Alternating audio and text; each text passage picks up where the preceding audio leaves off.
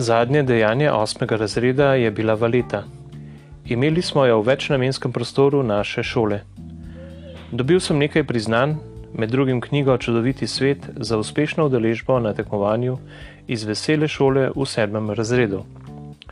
Sledil je ples, mi fantje pa smo ga prav hitro ucvrli v telovadnico in igrali nogomet v svečanih oblekah. Tako, za slovo. Če se prav poznam, me je že takrat začela tretji srednja šola, ker sem bil ponavadi tak zajec, kot je rekla moja pokojna mami. Ta zajec je bil verjetno iz njene črede 300 zajcev in mačkov, s katerimi se je pogosto pridušala. Pogosteje z mački. Verjetno zato, ker so italijani med vojno pojedli vse mačke v Šentvidu in okolici. Tak zajec pomeni, da sem se bal novih, nepreverjenih stvari. Poletje se je začelo s steklenico kokte v omari, ki je bilo nekaj, kar je ostalo od zapitka na valeti. Tako sem končno prišel do svoje kokte, davnega spomina na pomočnika Slavka Rusa, mojega kodrolasega bratranca. Seveda je steklenica prav hitro dahnila svojo praznino tistega junija 1984 ko sva si dnevno sobo delila s sestro Karlino in ko sem ji počečkal njen plakat Nika Keršova. Karlina je imela posteljo za omaro, ki je bila postavljena povprek čez sobo, jaz pa sem imel posteljo v kotu zraven terasnih vrat. Okno je bilo poleti ponovadi priprto in uspavali so naju italijanski tovornjaki, ki so zavirali pred cestninsko postajo. Takrat se je začelo v naši hiši dogajati nekaj čudnega. Oče, ki prej ni nikoli telovadil, je kar naenkrat začel delati počepe in druge vaje. Vsem se nam je zdelo to kar precej neobičajno. Spominjam se nekega vročega poletnega večera in očeta, ki je z nasmeškom delal počepe v spalnici. Moral se je res slabo počutiti. Jemal si je odejo in odhajal ležati na vrt. Vsi smo bili zaskrbljeni. Čeprav sam nisem prav natančno slutil, kaj se dogaja, ker sem imel glavo polno drugih skrbi, me je vseeno nekje v podzavesti zaskrbelo. Konec tistega poletja sem odšel še na ene duhovne vaje. Dular me je prosil, da bi nadomestil nekega birmanskega voditelja, ki je bil zadržan. Tako sem spoznal leto dni mlajše skorajšnje birmance, s katerimi smo skupaj odšli v srednjo vas pri Bohinju. Spoznal sem se tudi z drugimi birmanskimi voditelji župnije, ki so bili v glavnem starejši mladinci. Sabo sem vzel, čeprav sem vedel, da ne bo prav veliko časa, tudi knjige, ker sem bil tisto poletje pravi knjižni mol. Imel sem celo idejo, da bi si izposodil kakšno knjigo v lokalni knjižnici, če bi mi jih zmanjkalo. Prebiral sem klasika znanstvene fantastike Izaka Asimova in sicer njegov znameniti roman Jaz, robot. Če se ne motim, sem v približno istem obdobju predelal tudi celotni Sherlockovski opus Artura Conana Doyla in mnoge detektivke Edgarja Wallacea. Sicer pa se ne spominjam dobro, kaj se je dogajalo tisto poletje. Verjetno sem imel malo cmoka v grlu, ker se mi je spet obetala precejšnja sprememba, namreč šola v Ljubljani. Z avtobusom sem se že bil vajen voziti, ampak Ljubljana je vseeno precej večje mesto kot vrtnika in okolje je imelo biti tudi posem novo. Sprejemne izpite iz angleščine in matematike sem uspešno opravil in bil sprejet na srednjo računalniško šolo na Viču. Verjetno mi je starejši brat Matjaš dal kakšne koristne nasvete, glede na to, da je tudi on hodil na tehniško šolo, namreč na elektrotehniško Vegovo šolo. Poletje se je spet razpletlo iz julija v avgust, v veliki šmaren in potem pričakovanje 1. septembra, ki je bil tisto leto drugačen, saj sem odšel v srednjo šolo v Belo Ljubljano. Ne vem, kako se je vse skupaj odvilo. Vem le, da sem se na prvi šolski dan odpeljal do končne postaje v Ljubljani. Ko sem doumel, kakšno napako sem naredil, sem tekel vso pot od končne postaje do Viča. Naposled sem zadihan stopil v razred in se tako umetelno opravičil, da me je razrednik, profesorica nemščine Majda Klander, takoj predlagala za predsednika. Verjetno sem imel to smolo, da sem v razred stopil ravno v trenutek mrtvaške tišine, ker nihče ni hotel prevzeti tega mesta. Usedel sem se zraven roka predana, visokoraslega blondinca, ki je bil prijateljsko razpoložen do mene. V razredu nisem nikogar poznal odprej. Sem se pa kmalo spoprijateljil z marsikom. Bilo nas je približno enako fantov in det. Hitro smo se spoznali z vozači, saj je bilo med sošolci tudi nekaj vrhničanov. Gregor Jamnikar je bil sošolec v petem razredu. Jarnej Krašovec pa je bil v petem razredu v smrtnikovem razredu. Gabriel Bečaj je bil iz znanih goric, kar tudi ni bilo daleč. Z avtobusom so se vozili še Matjaš Justin z Vrtnike in Andrej Dobrovoljc z Verda, za katerega sem vedel, da je bratranec Grčakovih Damjane in Marije Mariko iz znanih goric, pa Peter Kobal in Anita Ogrin, oba z Vrtnike. Ti so bili vsi leto ali dve starejši. Dobrovoljc nas je označeval za fazane, meni pa sploh ni bilo jasno, kaj hoče reči s tem poimenovanjem. Takrat ti divji obredi inicijacije v srednješolske vrste še sploh niso bili tako aktualni. Črna aktovka, ki je bila značilnost dijakov tehničnih šol, se je kmalo napolnila z nalogami. Najbolj nas je pritisnila matematika. Saj z Janezom Marklem, našim profesorjem matematike, ki se je vsako jutro na vič od Bog ve, kje pripeljal s kolesom in si potem nadel modro haljo ni bilo dobro češen zobati. Križ, kraš, kralj Matjaš in obogi učenec je pred tablo moral rešiti zamotan matematični problem. V njegovo malo redovalnico so kmalo začeli deževati predvsem minusi, plusov je bilo občutno manj. Poleg Janeza nam je doma delal družbo papirnati sojemenjak Ivan Štalec s svojimi zbirkami nalog.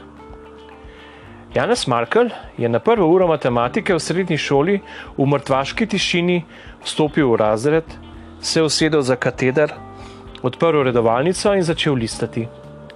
Po nekaj dolgih minutah se je naposled ozrl k nam, katerih oči so bile prikovane na profesorja v modri hali, in naposled spregovoril: Vidim, da ste že slišali za me.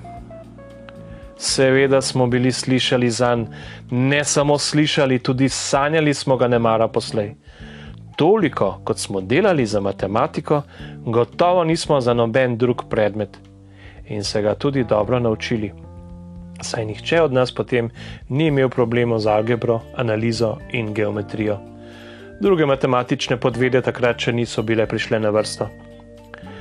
Seveda, matematika ni bil edini predmet v prvem letniku. Poleg stare znanke angleščine, ki jo je učila Brezovnikova, med nami breza, strastna kadilka, se je na jezikovnem obnebju prikazala še nemščina, ki jo je učila razredničarka Majda Klander.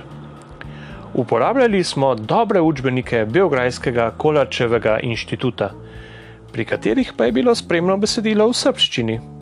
Nič pretresljivega le kakšen izraz je bil v slovačko mogoče malo neznan, naprimer rovito jaje, kar pomeni jajce na oko.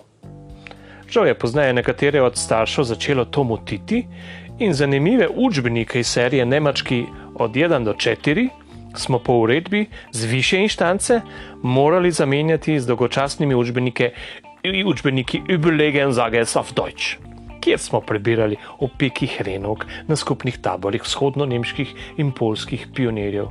Prav za res depresivna tema, katerih je bilo v tem zelo glasnem učbeniku še kar nekaj. Klandrova nas je skrivnosti drugega germanskega jezika učila dobro in z ljubeznijo. Značili so jo tiki, ki so jo delali na trenutke malo hecno, in to, da nikakor ni mogla prebavljati žvečilnih gumijev, ki so vsi po vrsti z vikanjem romali v koš. Ta profesorica nas je namreč, tako kot uh, tudi vsi drugi profesori, vikala, pa čeprav je bilo to večkrat vi mulc.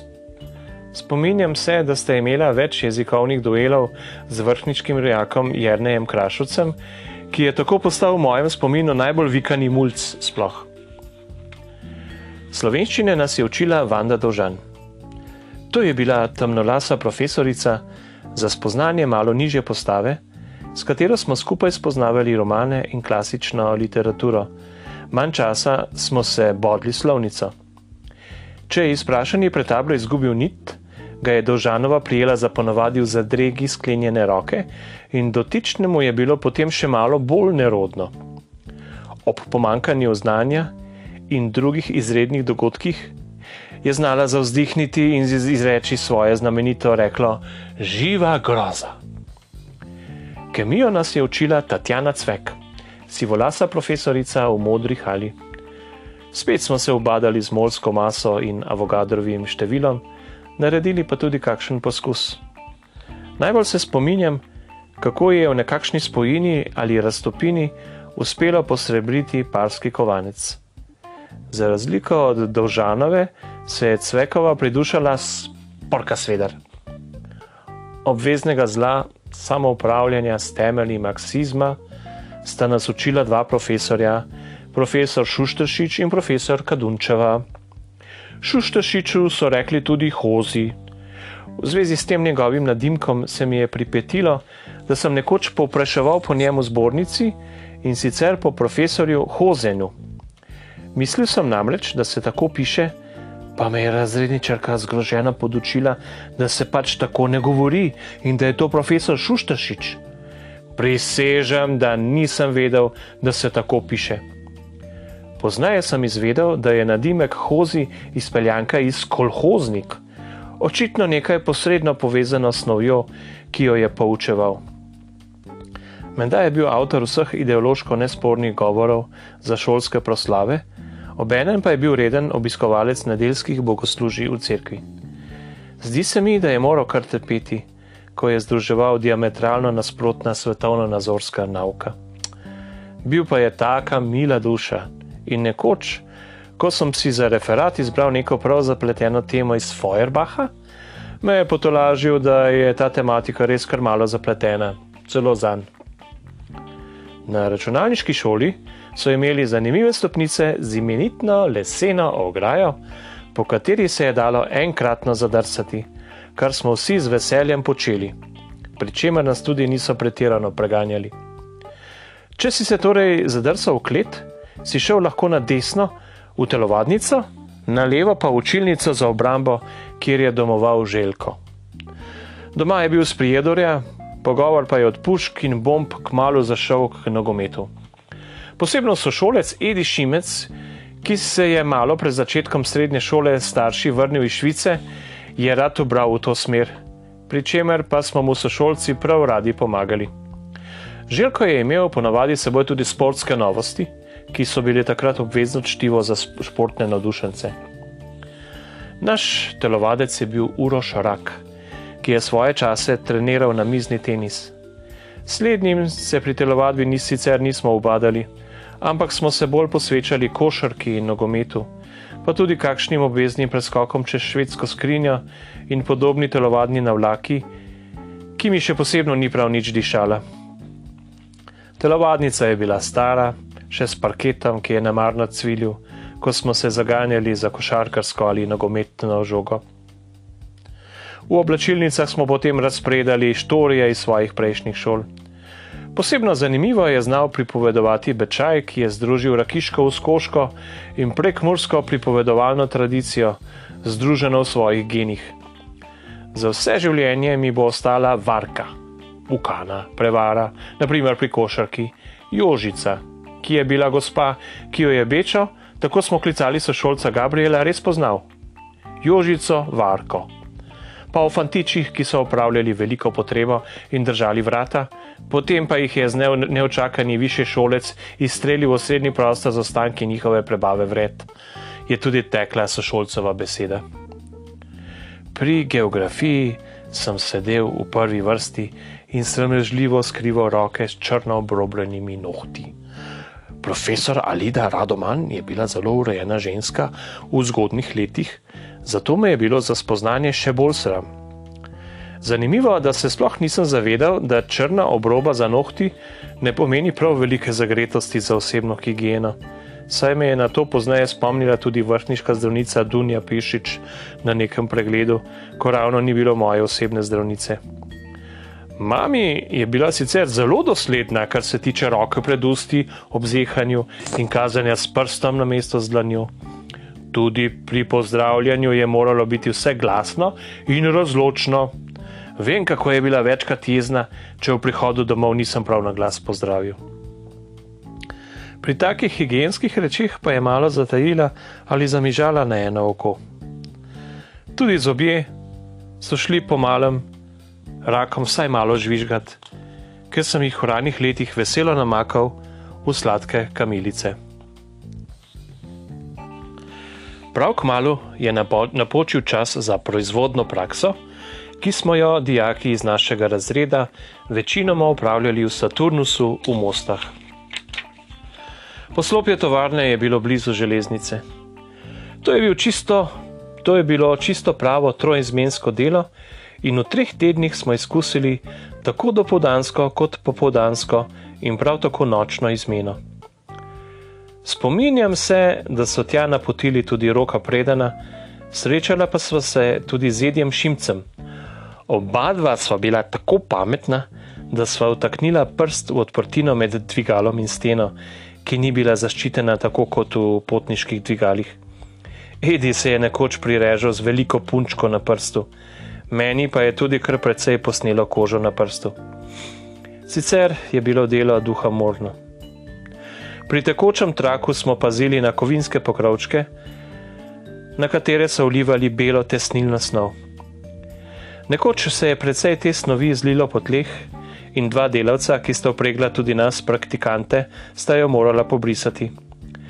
Eden od njiju si je pri meni izposloval pipec z zelenim izrezljanim ročajem ki ga je potem metal v škatle, da se je nožiček zabadal v volno lepenko.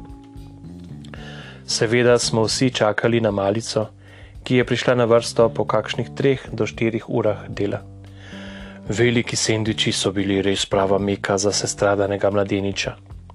Skratka, ta praksa v Saturnusu ni bila bog ve kakšen presežek, je pa bila vsekakor koristna izkušnja.